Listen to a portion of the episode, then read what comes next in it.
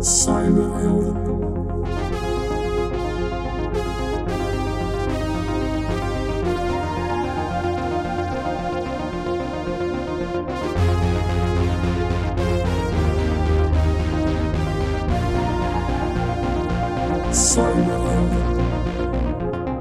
Welkom bij weer een nieuwe aflevering van Cyberhelden. En in deze aflevering praat ik met het meest digitale Tweede Kamerlid van de afgelopen tien jaar, Kees Verhoeven. Kees, welkom. Dankjewel. Jij kwam in eh, 2010 in de Kamer. En ik heb natuurlijk even opgezocht. Volgens mij ben jij sociaal geograaf eigenlijk eh, van opleiding. Ja. Maar uiteindelijk ben je het digitale pad opgegaan. Hoe is dat zo gelopen? Ja, dat eh, is ook wel een beetje tot mijn eigen verwondering. Eh, want niet alleen ben ik sociaal geograaf, maar ook mijn vrienden zeggen altijd van... jij weet helemaal niks van telefoons, computers en techniek. En daar hebben ze ook wel eh, gelijk in. Maar in de Kamer merkte ik wel dat eh, de onderwerpen die met digitalisering samenhingen... eh, in het begin was het dan de cookiewet en het downloadverbod. Dat was in 2011 waren dat de dossiers. Maar ik merkte wel dat dat wel onderwerpen waren die steeds belangrijker werden. En toen ben ik me er, ja, in 2015, 2016 heb ik echt tegen Alexander Pechtold gezegd van ik wil me daarin gaan verdiepen. Ja. En eh, ja, die cookiewet was een van de eerste dingen die voorbij Ja. kwam. Ik zie je al moeilijk kijken. Nou ja, dat klopt. Het was, eh, ik noem het vaak als een van de voorbeelden waarbij ik als Kamerlid eh, heel erg veel energie wilde stoppen in het aanpakken van iets wat, wat ik als slecht ervo- ervoer. Namelijk dat de grote techbedrijven, grote commerciële bedrijven om geld te verdienen stiekem mensen volgen op het internet. Ja. Dat werd toen langzamerhand een beetje bekend. Wij wilden als Kamer een halt eh, eh, toeroepen. Maar de manier waarop we dat gedaan hebben, met een cookiewet die, die helemaal niet goed werkte, die heeft geleid tot al die pop-ups die iedereen nu alleen maar wegklikt en vervolgens precies hetzelfde gebeurt. Dat was dus een voorbeeld van dat we wel wisten dat er iets aan de hand was, maar niet wisten hoe we het aan moesten pakken. Oké, oké. Dus je was daar toen nog lerende, zeg je van jezelf. Nou, wat, wat- ik herinner me dat we toen heel erg veel eh, berichten en, en mails kregen van allerlei mensen die zeiden: Dit is niet de aanpak, dit moet je niet doen. En wij zoiets hadden: Ja, dat is de lobby, dat moeten we terzijde ja. schuiven. Maar we hadden beter kunnen luisteren. Dan hadden we misschien iets kunnen bedenken wat wel had gewerkt. Ja, maar eh, je zou het ook weer terug kunnen draaien dan, toch? Heb ik ook eh, twee jaar geleden geprobeerd. Of eh, twee jaar na, het, eh, na de cookiewet heb ik geprobeerd om het in ieder geval het onderscheid tussen de verschillende cookies die er zijn. Je hebt natuurlijk functionele cookies die zorgen dat een website goed werkt. En je hebt ook die cookies die echt zijn bedoeld om jou te volgen, om je advertentie op te targeten. Om daar in ieder geval een onderscheid in, in te maken. En dat hebben we ook gedaan. Dus gedeeltelijk is hij wel teruggedraaid, maar je hebt nog steeds last van die cookie walls en die, Ja. die cookie meldingen. Dus ja, we zouden eigenlijk moeten zeggen van we gaan het helemaal anders regelen. Maar er was politiek, als er meestal een slecht besluit genomen is, komt de politiek daar niet graag op terug. Nee, oké. Maar, maar ik vind het wel eh, op zich op zijn minst chic eh, dat jij nu gewoon zelf zegt van dat hadden we toen niet eh, zo goed voor ogen. Hadden we anders moeten. Nou ja, je moet als Kamerlid ook leren. En ik weet nog goed dat ik in de, in de zaaltjes kwam bij, bij bedrijven en adverteerders. En die, ja, die hadden echt zoiets van, ja, daar heb je die vent die er geen bal van snapt. Dus die gingen mij het uitleggen. En nou, op een gegeven moment begon ik te denken van, ja, ik moet ook wat meer gaan luisteren naar mensen die er verstand van hebben. Anders dan blijf ik zelf met allemaal goede intenties interventies plegen die niet werken. Ja. Hey, en ehm, ja, dit was in het begin. We zijn nu tien, tien jaar verder. En eh, er is natuurlijk ontzettend veel digitale thema's voorbijgekomen de Ja. afgelopen tien jaar. Ehm, als je nou op terugkijkt van, van welk dossier ben je nou het meest trots op? Gek genoeg, eh, en dat geloven mensen meestal niet, eh, is dat toch de, de WIF, de sleepwet, zoals die ook vaak genoemd wordt. Ja. Eh, een dossier waar ik natuurlijk ook wel wat politieke kras op mijn gezicht heb gekregen. Want nou ja, iedereen die denkt dat ik daar een draai heb gemaakt. en deels heb ik natuurlijk ook een andere positie dan ik aan het begin had. Maar het is ook een dossier waar ik als Kamerlid er wel in geslaagd ben in twee, op twee momenten om de, de wet beter te krijgen. Maar, maar kan je dat nog even, terughalen? Van, hoe zit het dan met die krassen? Hoe, nou, we hadden 2017, in, begin 2017 voor de verkiezingen behandeling van die wet. D66 was heel kritisch. Ik had een lange inbreng. eh, je zat niet in het kabinet toen, hè? zat niet in het kabinet, dus oppositie. En ik ging vol los. En ik gebruikte ook allerlei termen om die, om die wet hè, te ontkrachten. Sleepwet, sleepnet. Nou, dat was ook wel terecht. Want het was ook een gevaar dat er heel veel data van mensen verzameld zou worden op een ongerichte manier. Ehm, nou, toen werd die wet eh, desondanks aangenomen. D66 stemde tegen. En ik heb toen in de formatie geprobeerd achteraf, terwijl de wet al aangenomen was, om in het regeerakkoord nog een aantal wijzigingen of toevoegingen eh, te, te regelen. Ja. En op basis daarvan was ik ineens wel in het kamp van de voorstanders terechtgekomen. En moest ik bij het referendum ineens voor de wet gaan pleiten. En eh, nou, dat heb ik geprobeerd, maar dat is niet succesvol gegaan, want uiteindelijk stemde Nederland tegen.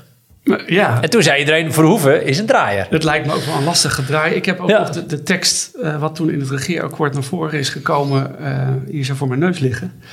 En, ja, en dan uiteindelijk, en dit is denk ik dan toch van jouw hand uiteindelijk, heb je Ja. het tussen weten te krijgen van het willekeurig en massaal verzamelen van, van gegevens van burgers in Nederland of in het buitenland. De sleepnet kan, mag en zal geen sprake zijn.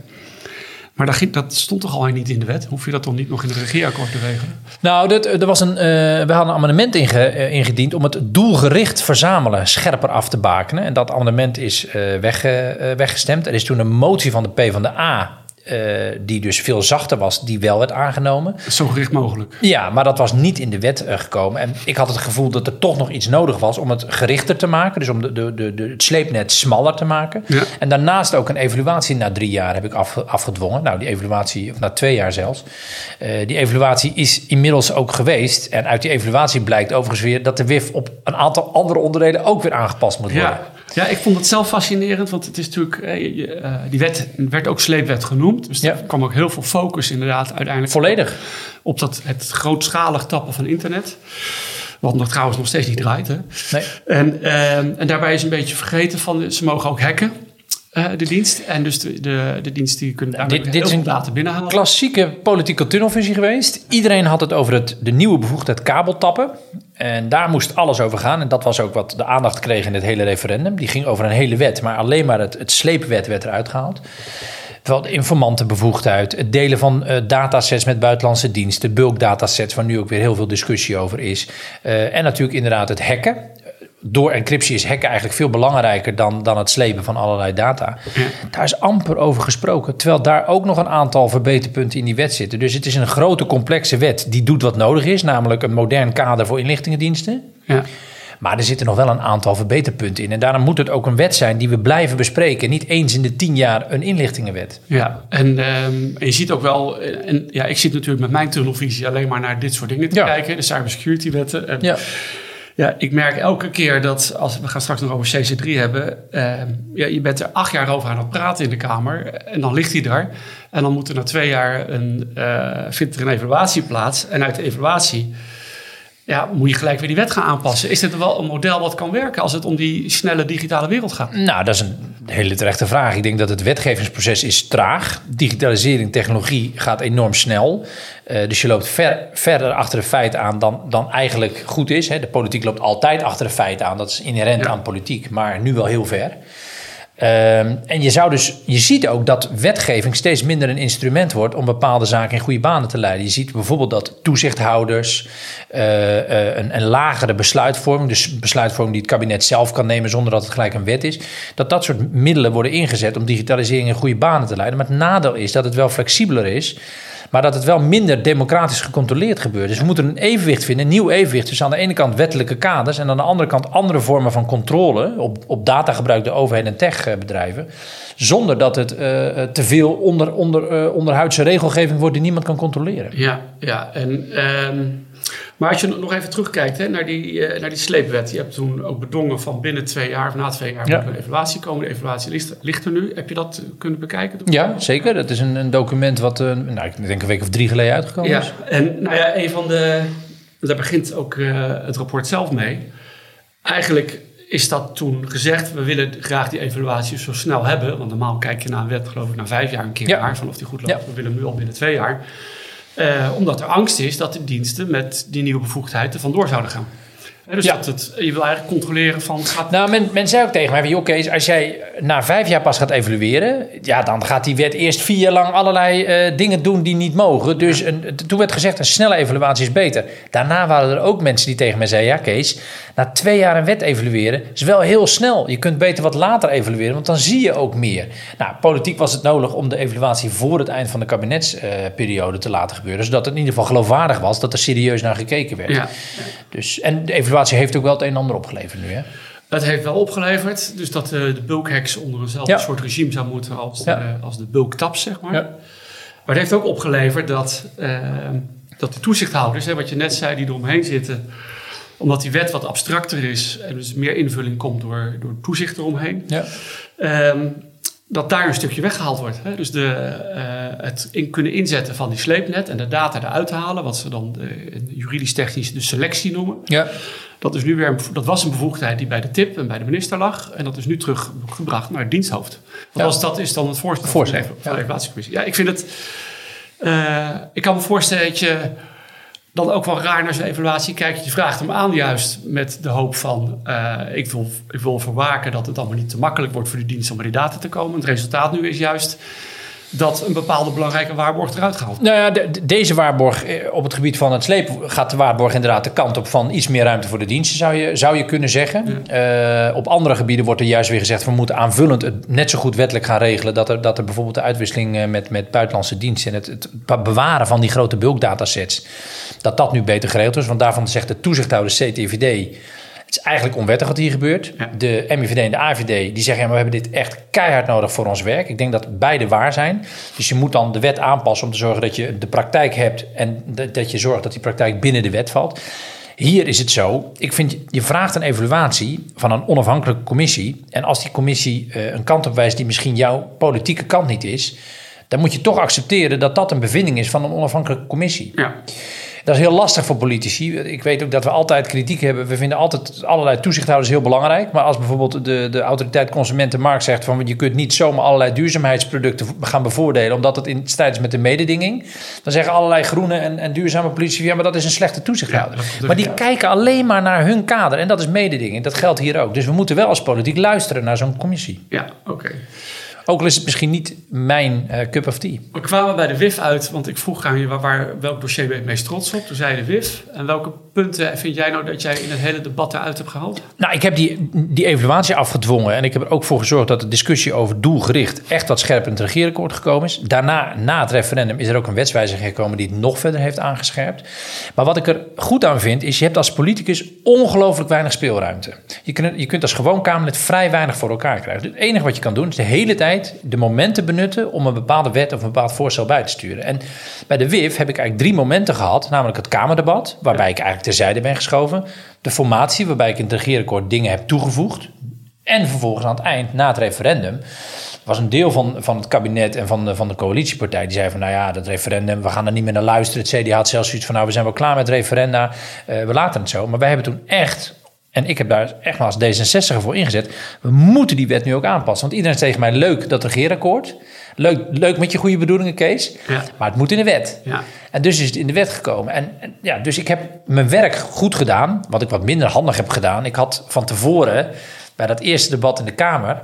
had ik veel minder hoog van de toren moeten blazen. en veel meer een genuanceerd verhaal moeten houden. Wat eigenlijk meer mijn eigen verhaal was. Maar ik ging te veel mee in het sleepwet oppositie uh, verkiezingen uh, gevoel. En daar heb ik te hoog van de toren geblazen, waardoor het aanpassen en het in het midden uitkomen niet meer geloofwaardig was. En, en hoe werkt het dan? Want als, als Kamerlid word je gevoed door allerlei mensen die er ook iets van vinden. Nou ja, wat er speelt is, je bent dan op dat moment, de verkiezingen kwamen eraan. Ik, was, ik had me ongelooflijk goed ingelezen. Ik wist alles van die wet. De rest van de Kamer wist er niks van. Niemand schreef erover. Geen journalist. Probeer het maar eens na te zoeken. De WIF werd alleen maar nieuws toen er een referendum kwam. En de C heeft er een klein stukje van tevoren over geschreven. Dus ik wilde blijkbaar als Kamerlid ook graag aandacht voor die wet krijgen. Dus ik had een heel lang verhaal, hè, anderhalf uur spreektijd en ik had twintig amendementen. Dat deed ik om het, om het onder de aandacht te krijgen. Maar daardoor heb ik wel een beetje geweld gedaan aan mijn eigen genuanceerde kennisverhaal. En ik werd veel meer een soort van politiek uh, oppositieverhaal. En dat is misschien onhandig geweest, want als je daarna weer constructief en genuanceerd wordt, is dat eigenlijk de draai. Dus de draai was niet zozeer inhoudelijk, maar veel meer welke vorm en welke toon ik koos. Daar heb ik wel van geleerd. Ik zie je nu ook weer met, met passie erover praten. ja, mij heb absoluut. Ook, ook, heel veel... Uh, ja, online heb je veel volgers, maar je hebt ook wel echt heel veel voorkeurstemmen gehad volgens mij. Denk ik specifiek omdat je zo inzet voor dit thema. Uh, ja, dat valt wel mee nog hoor. Ik heb er denk ik 6000 misschien in de laatste verkiezingen, wat eigenlijk best nog wel bescheiden is. Want je hebt er 16 of 17.000 nodig voor een voorkeurstem. Dus ik zeg ook altijd, ik ben tien jaar op de slippen van Alexander Pechtold ja, Uh, drie keer gekozen. Ik voel mezelf in die zin... Nou, dat is wel grappig dat je, dat je het zegt. Door die WIF en daarvoor het Oekraïne-referendum... ben ik me echt een volksvertegenwoordiger gaan voelen... omdat ik toen die zaaltjes in moest. Ah. En toen al die verhalen in het land en al die discussies. Dus het is ook wel belangrijk om als politicus voortdurend gedwongen te worden om naar allerlei verhalen van mensen te luisteren. En dat was tijdens die twee referenda die ik deed, was dat wel het meest. Dus in die zin was het ook een hoogtepunt. Een uh, andere belangrijke wet die uh, ook voorbij is gekomen is uh, de wet computercriminaliteit 3. Ja, ook een juweeltje. Beter bekend als de hackwet. Ja. ja, ook een nieuw wereldje. En daar heb je ook hard in vastgebeten. En ja, dat, dat ging er uiteindelijk om dat de politie die wilde heel graag kunnen hacken. En nou ja, het beeld wat je kon krijgen is dat een aantal Kamerleden vooral niet wilden dat de politie ging hacken. Nou ja, waar de, de zorg natuurlijk lag, is dat dat hacken een uh, vrij ingrijpende bevoegdheid is. Uh, en wat er nog bij kwam, en dat was ook wel onderdeel van het debat, is dat de politie niet zozeer zelf gaat hacken, maar ook tools kopen om te kunnen hacken. Ja. Uh, om even zo samen te vatten. Dus wat je eigenlijk krijgt, is dat er vrij dubieuze bedrijven zijn die allerlei onbekende kwetsbaarheden, uh, zero days, die verkopen ze voor vrij veel geld. En daar, kun, he, daar bouwen ze dan een tool omheen. En daarmee kun je dan kant en klaar, dat kun je gewoon, alsjeblieft, hier heb je het. En dan kun je hacken. Wat je liever ziet, is dat wat de IVD meer doet dan de politie. Er zijn veel bedrijven die dit soort dingen leveren, maar die, die leveren dat vaak aan. De, nou ja, die leveren het aan iedere, ja, aan de hoogste bieder. En inderdaad, eh, dat zijn of bedrijven aan de wat meer donkere kant van het internet, of inderdaad zeer dubieuze bedrijven die leveren aan allerlei eh, regimes waar je als Nederland in ieder geval jezelf niet in herkent. Dus dan, dan ga je een zwarte markt of een slechte markt stimuleren als, als Nederlandse overheid. Ja. Nou, daar waren we wel bezorgd over. Dus, en ik heb ook gezegd toen, dus ook in dat regeerakkoord van 2017, ik heb toen gezegd: laat de politie meer geld krijgen om zelf te kunnen gaan zoeken naar onbekende kwetsbaarheden en zelf te kunnen gaan hacken in plaats van dat ze het inkopen bij slechte bedrijven. Ah, oké. Dus het idee was die, van die 10 miljoen juist was niet om het uit te geven aan hele dure software, wat misschien ook wel in de orde van 10 miljoen kost? De bedoeling die, die ik heb twee dossiers waarbij ik me in het regeerakkoord achteraf bemoeid heb. Het eerste was WIF, het tweede was CC3. En bij CC3, de Computercriminaliteit 3-wet, was mijn idee: laat de politie zelf de, de capaciteit ontwikkelen om zero days te gaan zoeken en hack uh, software te ontwikkelen, in plaats van dat ze het kopen bij slechte bedrijven. Maar jij wilt toch ook juist dat als ze die zero days ontwikkelen, dat die gelijk gemeld worden? Later, uh, nee, niet dat ze gemeld worden, maar dat er zorgvuldig wordt nagedacht hoe uh, ze gebruikt worden, die zero days. Hè. Dus we hebben een, een initiatiefwetsvoorstel ingediend, uh, wat ervoor zorgt dat, dat een zero day de keuze om hem wel of niet te melden, dat die gemaakt wordt op basis van een hele overdachte afweging. En wat nu de praktijk is, is dat eigenlijk zero days heel vaak bewaard worden om te gebruiken. Terwijl het soms beter is om ze te melden, zodat de maker hem kan dichten. Maar je kan er wel achter staan dat de politie en net zo goed de inlichtingendiensten van zero days gebruik maken. Ik heb, ik heb uiteindelijk ben ik tot het inzicht gekomen, en dat heb ik ook wel bij deze wet, uh, wetsbehandeling uh, gezegd. Ik, ik vind dat het mogelijk moet zijn dat dienst en politie in, in uiterste gevallen onder bepaalde voorwaarden hacken. Ja. En dat, uh, dat moet dan zorgvuldig en afgewogen. En dat ontbreekt. De IVD heeft een vrij duidelijke leidraad op basis van een motie in de Kamer. En die hebben daardoor ook echt een goede leidraad voor hekken gemaakt. Maar politie en defensie hebben dat eigenlijk niet. Dus die hebben een vrij ruime bevoegdheid. Ze mogen hacken, maar de manier waarop het gebeurt, daar heeft niemand het over. Ja. ja. dan krijg je dus dat het misschien wel gebeurt op een manier dat uh, de hele vitale infrastructuur van Nederland kwetsbaar is, omdat ze een kwetsbaarheid niet melden. Ja, en, uh, je, je, zegt daar, er zit geen, uh, daar kijkt niemand naar. Nou, uiteindelijk is er nu wel een uh, rapport verschenen van de Inspectie ja. Justitie en Veiligheid. Die hebben er wel naar gekeken na het eerste jaar dat, het, uh, dat die, de hekwet ingezet is. Ja, ik vond het opvallend dat er, wat ik eruit haalde, is dat die hekbevoegdheid maar acht keer ingezet is. Dat is ja. ontzettend weinig. Als het ja, zo dat, belangrijk is voor de politie? Ja, dat kan ik niet helemaal beoordelen. Je kunt het getal 8 niet helemaal beoordelen. Het vaak weinig ten opzichte van het aantal gevallen dat ze een andere middel hebben ingezet. Kijk, je kunt natuurlijk ook uh, hacken zonder dat je, een, uh, dat je hacksoftware hebt. Je kunt ook social engineering doen. Hè? Dus je kunt ook iemand verleiden met, met een linkje of een andere manier om binnen te komen. En er zijn mensen die tegen mij zeggen: Ja, Kees, bijvoorbeeld de Russen, die gebruiken bijna nooit hacksoftware. Die gebruiken juist allerlei andere trucs om binnen te komen. Ik weet niet of dat waar is, maar er zijn in ieder geval mensen die tegen mij zeggen: Het kan ook zonder uh, al die dure hacksoftware. Dus als het acht keer gebruikt is, dan is de vraag vooral: hoe is het dan acht keer gebruikt? Ja. En dat weet ik dus niet. Ja, ik weet het van die acht keer, want uh, er staat een, een zinnetje in, de, uh, in het rapport van de inspectie. En er staat in, in zeven van de acht zaken is nagelaten de toetsaanslagen vast te leggen van opsporingsambtenaren van het technisch team. En dat is natuurlijk dat op, uh, opslaan van die toetsaanslagen is een soort waarborg, zodat later altijd gecontroleerd kan worden wat heeft de politie nou precies gedaan, omdat er veel angst is dat ze aan de haal gaan met die hekbevoegdheid. Wat denk jij nou dan als je dit, als je dit hoort? Moet die wet maar terug? Nou, dan denk ik dat, bedoel, wetgeving is altijd één. We hebben het altijd over de kwaliteit van wetgeving en daar worden heel veel mensen altijd kritiek op geleverd. Maar er zijn vrij veel wetten die op zich vrij goed zijn samengesteld. Ik bedoel, de cookiewet was veel te technisch uh, op één, op één uh, onderdeel gericht en daardoor dus niet werkbaar. Had algemener gemoeten. Er zijn ook hele algemene wetten die worden juist aangescherpt omdat toezichthouders of anderen ernaar kijken en zeggen: dit is de manier waarop die geïnterpreteerd moet worden. Bij deze wet staat er vrij duidelijk in dat een bepaalde uh, controletaak moet worden uitgevoerd om ervoor te zorgen dat de politie zich aan regels houdt. En je ziet dat de politie of het nou gaat om de AVG of de wet politiegegevens, maar ook bij CC3, dat ze zich dus in hun enthousiasme om boeven te vangen en om zo goed mogelijk een veiligheidstaak te spelen, dat ze hun, hun, hun plicht om zich aan andere voorwaarden te houden, die bijvoorbeeld de privacy van burgers beschermen, dat ze die nog wel eens laten lopen.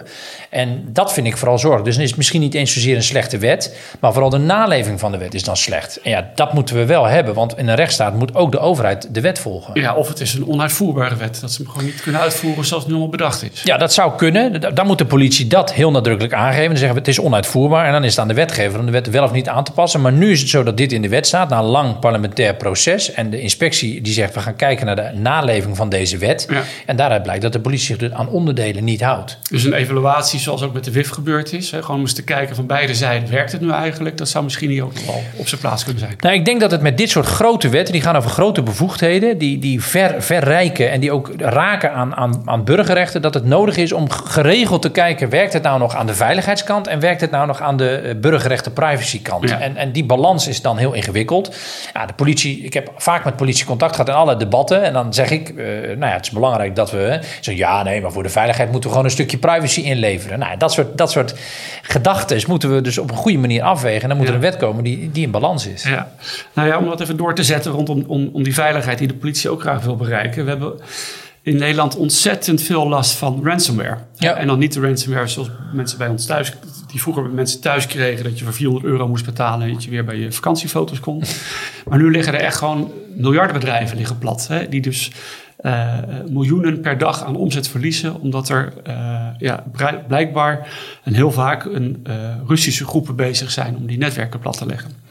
Daar kan je natuurlijk van zeggen van ja, ze maar beter op het tellen moeten passen, zorgen dat ze niet binnenkomen. Uh, nou, we kennen ook genoeg voorbeelden van bedrijven die echt best wel goed beveiligd waren. En waarbij het dan toch gelukt is door die hackers. Ja. En dat is nou juist iets waarvan ik in ieder geval de hoop had dat de politie die hackbevoegdheid op in zou zetten. Om ook dat soort criminele, grote criminele groepen die stelselmatig bezig zijn om hier bedrijfsleven uh, stuk te maken. Om, om daar nou eens te gaan kijken wie zit er nou achter. En uh, de hackbevoegdheid op zich geeft juist de mogelijkheid om op internet van die digitale anonimiteit te doorbreken en misschien wel bij een echte identiteit te komen. En dan kom je wel in Rusland uit. Maar het zal in ieder geval betekenen dat je dan in het buitenland zou moeten hacken. En is dat voor jou een brug te ver? Of zeg je, ja, dat, is, nou ja, dat, dat, dat moet dan maar af en toe als, het, als de nood zo hoog wordt? Nou, voor mij, ik, ik, ik heb wel geleerd om niet te snel te zeggen dat iets een brug te ver is. Dus ik vind dat, ik heb al gezegd, de politie en de inlichting en veiligheidsdiensten, die moeten kunnen hacken. En als het betekent dat de Nederlandse uh, bedrijven of Nederlandse staatsveiligheid of staatsgeheimen in gevaar zijn, omdat er eh, bepaalde uh, groepen actief zijn, staats, staats georganiseerde groepen, zoals bijvoorbeeld uit Rusland en China, als die actief zijn, dan moet de politie ook daar natuurlijk wel dingen kunnen doen. Maar nogmaals, we hebben een wet die als kader geldt daarvoor. En als die wet door ontwikkeling in de samenleving te krap is, of te weinig mogelijkheden biedt, dan moet de politie aangeven hoe dat zit. Maar niet ondanks een wet die er is, toch maar op een bepaalde manier gaan handelen. Want dan krijg je een soort van, ja, dan worden wetten nutteloos en dan, uh, dan, dan regeert de praktijk. Ja, nou ja, wat hoe het nu in de wet staat, als het gaat om het hek in het buitenland, is dat als je niet weet waar het is, hè, je, je, hebt een IP-adres en je weet niet waar die is, um, ja, dan mag je hem hacken, want je weet niet van welk land die is. Je weet ook niet hoe je daar met een rechtshulpverzoek heen zou moeten. Dus dan is het een, uh, maar echt een soort last resort. Ja. Nou, en ik denk dat, uh, uh, ja, meestal weet je wel waar die IP-adressen zitten. En je ziet ook wel aan de communicatie dat het Russen zijn. Dus, ja, ja ik, uh, het is, um, maar ik zou ook niet zo gauw weten hoe we daar op een andere manier weerstand op gaan bieden. Dus, en, en die criminelen dit land inkrijgen om ze hier te veroordelen, dat zal ook niet lukken, want Rusland levert niet uit. Maar we kunnen misschien wel hun infrastructuur kapot maken, zodat ze niet meer Nederland kiezen, maar een ander land. Nou ja, nou ja, kijk, de, de Nederlandse inlichtingen hebben de afgelopen jaren natuurlijk een aantal successen geboekt, juist in, in heel uh, uh, ja, succesvol maar dat, werk. Maar dat is voor inlichtingendiensten. Dat Zeker, dat is anders, uh, dat weet ik, want inlichting en opsporing zijn twee totaal verschillende dingen. en ik vind dus ook dat, dat wat je in ieder geval moet doen, ander voorbeeld, industriepolitiek, we zijn jarenlang als Nederland van mening geweest dat we een open georiënteerde economie waren en dat we niet te veel protectionistische beschermende maatregelen moesten treffen, omdat we nou eenmaal vinden dat we onderdeel zijn van de hele wereldhandel. Ja. Nou, tien jaar lang hebben we dat, eh, eh, hebben gezien dat Amerikanen en de Chinezen steeds meer protectionisme toepassen. Dus moeten ook een partij als D66, maar ook andere partijen die heel erg uitgaan van open wereldhandel, moeten op een gegeven moment tot de conclusie komen: ja, het is wel naïef als we dit doen. Nou, dit is een vergelijkbaar voorbeeld. Het is wa- waarschijnlijk te naïef om te zeggen: we houden allerlei beperkingen in stand, terwijl je ziet dat er een verandering aan het optreden is die onze eh, positie als Nederland in gevaar brengt. Dus ik ben altijd bereid om na te denken over meer mogelijkheden om wel in te kunnen grijpen. Desnoods als het is in het kapotmaken van de systemen van, van, van anderen. Als er maar voldoende reden is om dat te doen. Ja. En dan heb je het dus over de offensieve cyberkant van het verhaal. Terwijl we tot nu toe altijd defensief gedacht hebben. Ja, nou ja, ik vind het eh, mooi om dit uit jouw mond ook nog te horen. Dat we een offensieve cyberkant moeten hebben bij eh, onze overheid. Ja, nou vat je, gelukkig is het een podcast waarbij je hem nu iets scherper samenvat. Maar inderdaad, je moet er altijd over na blijven denken op het moment dat je ziet dat de wereld verandert. Ja. Zeker. Hey, ik heb in, eh, in jullie verkiezingsprogramma ook zitten graven natuurlijk. Mooi. Over, eh, Ja. over het cybergebeuren. En nou ja, complimenten D66 eh, vindt het een belangrijk thema. Ja. En je hebt ook je eigen digitale visie, volgens mij heet die, eh, gemaakt. Ehm, nou, wat ik eruit haal is, er staat dan hè, om dit allemaal tegen te gaan. eh, dit is in, in- onder het kopje van de grote cyberdreiging. Er komen fors meer investeringen in onderzoek op het gebied van digitale techniek, zoals kunstmatige intelligentie, cybersecurity, quantum computing en fotonica. Eh, dus eh, D66 als een soort onderwijspartij zegt ook, we moeten daar hard mee aan de gang. Ja. Wat vind jij nou van als er nou allemaal Chinese, Russische en Iraanse studenten onmiddellijk onze kant op komen om hier te gaan eh, leren hoe quantumcomputing moet werken? Ja, het is nu andersom, hè? En nu gaan al onze mensen naar allerlei eh, plekken in de wereld om daar te leren op de meest geavanceerde en de beste onderzoeks- en innovatieprogramma's mee te draaien. Dus dat willen we ook niet. Eh, je, je hoort wel eens verhalen dat, dat China bijvoorbeeld echt een strategie heeft om het machtigste land ter wereld te worden. Om zoveel mogelijk mensen hè, de diaspora in te, in te gooien en vervolgens weer terug te laten komen met Ja. een zak vol kennis naar China. Is altijd een gevaar. Eh, maar ik vind wel dat wij fors moeten investeren in, in het vooroplopen met, met hele gerichte onderzoeksprogramma's eh, eh, naar, naar allerlei nieuwe technologieën die grote invloed hebben. En dat er dan vervolgens misschien mensen uit Iran of, of, of China of, of Rusland naar ons toe komen. Ja, dan moeten we maar bekijken hoe we daarmee omgaan. Maar dat is natuurlijk geen reden om te zeggen, daar gaan we maar weinig investeren. Nee, oké. Dus we Dus- wel investeren erin, maar we zien ook, er zijn nu ook wel studenten naar huis gestuurd. Iraanse studenten die iets die dicht bij nucleaire zaken in de buurt kwamen. Ja. Eh, maar dat, het lijkt een beetje ad hoc. Is het niet iets waar we gewoon harde regels voor moeten gaan maken? denk het wel, maar ik denk dat dit ook... Dit klinkt mij als iets wat een redelijk recente ontwikkeling ook weer is. Waarbij dan inderdaad op een gegeven moment een universiteit... eh, of misschien ge- getipt door een bepaalde... eh, info, in- in- door- getipt door een organisatie met informatie... denkt van we moeten nu toch misschien maar eventjes een grens stellen aan deze student. Dat lijkt me redelijk ad hoc. Eh, en daar kun je dan beter inderdaad eh, wat, wat meer structureel over Ja, nadenken. ja. Hey, en ehm, nou goed, we hebben, het nu, ik, we hebben het nu even genoemd over de, de, de, de diensten en eh, de politie die, die sterker moeten worden. Althans, sommige opzichten om ons digitaal veiliger te maken. Maar we kunnen ook zelf wat doen Ja, aan de preventieve zijde. En, en als ik daarnaar kijk, eh, dan haal ik uit, eh, uit jullie verkiezingsprogramma... de overheid moet hierbij die bedrijven helpen... door beschikbare informatie over cyberrisico's met hun te delen. En om dat te doen gaan we de Digital Trust Center versterken. Punt. Zie je ook iets van teleurstelling in mij dan? Nou, ik weet niet zo goed waar je teleurstelling zit. Ik weet dat het Digital Trust Center is, is volgens mij vooral een, een, een organisatie die kleinere bedrijven probeert te helpen in het, eh, in het, in het begeleiden of het opvangen van, van een eh, cyberaanval. Eh, D66, althans ikzelf, heb de afgelopen jaren vooral ingezet op versteken van het NCSC, dus het Na- National Cybersecurity Center. Ik denk dat die meer bevoegdheden moeten krijgen om A te kunnen delen met bedrijven als er iets gebeurd is. Ook buiten wat we dan klassiek de vitale infrastructuur noemen. Die discussie wordt natuurlijk vaak gev- gevoerd. De zorg, maar bijvoorbeeld ook hele eh, hoogwaardige bedrijven vallen niet onder de vitale Maar, maar, maar wat zou zo'n NCSC nou kunnen delen... wat eh, de zorg niet gewoon ook bij een bedrijf kan halen... wat zich gespecialiseerd heeft in cybersecurity? Nou ja, dat is natuurlijk de coördinerende taak van een overheidsorganisatie die ervoor kan zorgen dat er even los van een commercieel eh, belang, dat er gewoon een mogelijkheid is om als bijvoorbeeld één bedrijf gehackt wordt en dat speelt, dat, dat alle andere bedrijven de vitale infrastructuur dan geïnformeerd kunnen worden over die dreiging. Dat kan natuurlijk ook door de markt worden opgepakt. Dus in die zin is het en-en. Maar ik denk dat uiteindelijk de samenwerking tussen publiek en privaat op het gebied van het veiligheids- en cybersecurity domein onmisbaar is. Nee, dat, dat kan ik me Dus, voorstellen. eh, Maar, maar de samenwerking, ik probeer altijd wat te zoeken. Wat betekent dat dan concreet?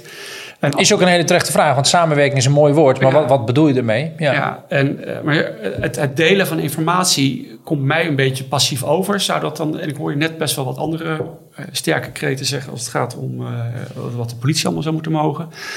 Um, zou je dan ook niet toch wat meer activiteit vanuit, proactief vanuit de overheid willen zien om die bedrijven te helpen veilig te worden. Ja, maar eh, met name NCC, die zeggen van ja, wij hebben op dit moment bepaalde bevoegdheden om wat proactiever te handelen, hebben we gewoon niet. Dus wij hebben daar bijvoorbeeld tegen minister Grapperhaus van gezegd, zorg nou dat die NCC wat meer de leidende partij kan zijn op het moment dat er een bepaalde cyberaanval is, dat, dat zij degene zijn die ook een soort coördinerende rol kunnen pakken, andere bedrijven kunnen informeren dat bedrijf A uh, op deze manier is aangevallen en vervolgens ook de informatie kunnen verdelen zodat iedereen zich daarop in kan richten. En die rol kunnen ze nog niet spelen.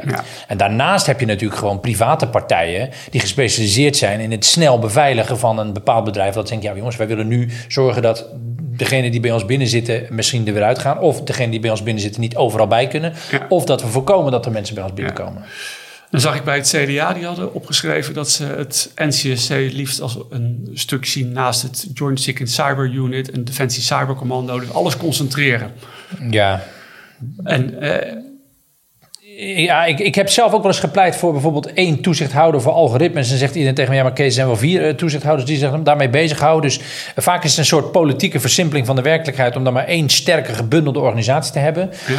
Ik heb wel geleerd dat op het gebied van, van cybersecurity en veiligheid, dat uh, de rijke geschakeerdheid van alle organisaties ook alweer een kracht is. En dat ze vrij goed met elkaar samenwerken. Ja. En ik weet dat AIVD en MIVD bijvoorbeeld vergaand met elkaar aan het samenwerken zijn op dit zeker. moment. Maar goed, die, die, er zit dus een blokkade in om informatie te delen met het NCSC, want het NCSC is weer van een ander departement. Zeker, en, uh, ja, en daar zit het NCTV dan ook nog weer uh, half tussen. Dus dat is een hele ingewikkelde constellatie. Dus je zou kunnen zeggen alles bundelen werkt, maar dan heb je één grote superorganisatie met nog weer vier of vijf afdelingen en wordt daartussen dan wel weer alles uh, gedeeld wat nodig is. En wordt dat dan weer goed aangestuurd of wordt het weer net zoals de nationale politie of het ministerie van Justitie en Veiligheid niet weer zo groot dat het totaal oncontroleerbaar ja. is. Dus dat is wel een lastige afweging.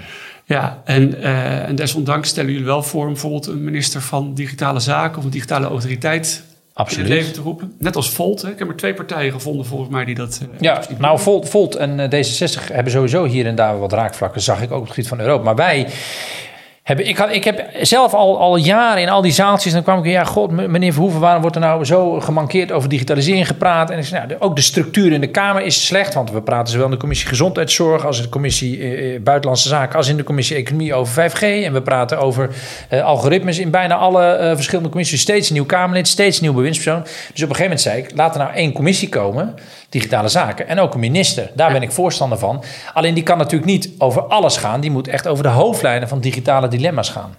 Ja, maar Zoals wij er nu bijvoorbeeld één of twee hebben gehad. Ja, maar oké, okay, die digitalisering zit juist wel overal in. Hè? En als het dus bijvoorbeeld gaat om de sleepwet... ja, dat is eigenlijk van een uh, ministerie, ministerie van Binnenlandse Zaken... Ja. Dus ook de commissie die daar vast zit. En hoe, hoe verhoudt zich dat nou? Nou, dus, dus, dat is altijd een zoektocht in de politiek wie waarover gaat. Uh, maar bijvoorbeeld, stel dat iPads op, op school, hè, of uh, het, het, gebruiken van uh, het, het, het, het, het, EPD, e het elektronisch patiëntendossier. Ja. Dat is echt een, een klassieke vakministerie-onderwerp. Dat is zodanig toegespitst op de zorg of het onderwijs, dat dat hoort in de verticale commissies die gaan onder, onder de regie van de minister van Zorg of Onderwijs. Maar je ziet tegenwoordig, dat zie je ook bij de Commissie Europese Zaken, dat er ook doorsnijdende onderwerpen zijn die steeds maar terugkomen, waarbij je wat hoger moet gaan nadenken over het, over het, over het vraagstuk. Bijvoorbeeld gebruik van data door de overheid en algoritmes. Nou, dat kan door een UWV gebeuren, de minister van Sociale Zaken. Kan ook uh, gebeuren uh, in, in, in een heel ander departement. Uh, bijvoorbeeld, nou ja, je kunt het zo gek niet bedenken, voor woninginbraken of voor schoolverlaters worden ook algoritmes gebruikt. Dan moet je de vraag stellen, hoe gaan we als overheid eigenlijk om met deze technologie? Wat betekent het voor burgerrechten? Nou, daar zou je een minister van Digitale Zaken hebben. Jouw voorbeeld is wel echt er een op het snijvlak. Aan de ene kant is het binnenlandse veiligheid, echt klassiek binnenlandse zaken. Maar het is zoveel meer digitaal geworden. En data mhm. en, en digitale uh, middelen zijn zoveel belangrijker geworden. Dat je dan toch ook echt wel wil dat er vanuit die invalshoek naar gekeken wordt. Maar is dan niet het probleem eigenlijk dat er gewoon te weinig digitale kennis zit bij al die verschillende dat ministeries? Ook zo. Alleen geloof me, ik ben politicus. Ik heb tien jaar gezien hoe die Kamer van Binnen werkt. De structuur van, van een commissie en van een minister, een ministerie, dat er iets is waar een brief kan worden gelezen, waar een signaal kan worden opgevangen, waarbij een commissie een minister naar zich toe kan halen. Ja. Dat is een cruciaal iets om, een, om, om grip op een onderwerp te krijgen. Als dat er niet is, kun je nog zoveel kennis hebben, maar dan, dan leidt het nergens toe. Dus je moet naast kennis ook politieke kracht en macht hebben om een minister tot de, tot de, uh, uh, op het matje ter verantwoording te roepen. Ja. En als je dat niet hebt, dan heb je nog zoveel kennis. Dus het moet en een structuur zijn en meer kennis. En daarnaast, Kamerleden moeten ook gewoon scherpe politici zijn. Ik ben zelf nu tien jaar Kamerlid, maar mijn laatste twee jaar was ik niet meer campagneleider, was ik niet meer vice-fractievoorzitter, maar was ik alleen maar bezig met digitalisering. Had ik veel meer tijd. Ja. Dus kon ik veel meer die, die bewindspersonen het lastig maken. En was ik eigenlijk een veel scherpere controleur van de regering dan ik je, er net lekker in, hè? Twee jaar eh, pas ben je echt op, op dreef. Zou je zo kunnen zeggen, ja. Ja, en dan ga je nu weer stoppen. Ja, en dat is omdat je ook weer als Kamerlid doormaakt dat je op een gegeven moment eh, denkt van ja, ik, ik zit nu al tien jaar eh, dezelfde dingen te doen. Ik zit al tien jaar bij Prinsdag, ik zit al tien jaar eh, de begroting economische zaken of de begroting justitie en veiligheid. Dus op een gegeven moment raak je ook zeg maar in een soort cyclus dat je denkt ik moet mijn energie nu weer op een andere manier gaan inzetten omdat het anders steeds meer van hetzelfde wordt. Er is wel 5% in mij wat nu ziet dat een aantal digitale Kamerleden stopt. En dat Ja. het onderwerp van belang wordt. En dat denk ik, oké, misschien had je nog vier, vier jaar door moeten gaan. Maar dan denk ik ook, ja, maar dan zit ik wel weer elke week eh, zit ik eindeloos eh, die dingen te doen die ik al tien jaar gedaan heb. En dat raakt op een gegeven moment ook weer wat, dat, dat vervlakt je ook weer wat. Ja. Dus op een gegeven moment moet je dan de afweging maken. En laten we er dan maar op houden dat ik op mijn hoogtepunt stop. Ja, nou ja dat, dat zou je inderdaad zo kunnen zeggen. Ehm, nou Kees, dan gaan we ook weer stoppen met eh, onze half uur waar we overheen zijn. Zo. Ehm, ik wil je heel erg danken dat je deze week mijn uh, cyberheld wou zijn. En uh, we gaan je missen en dat gaat je goed. Dankjewel. Ik vond het erg leuk om er te zijn. Cyberhelden.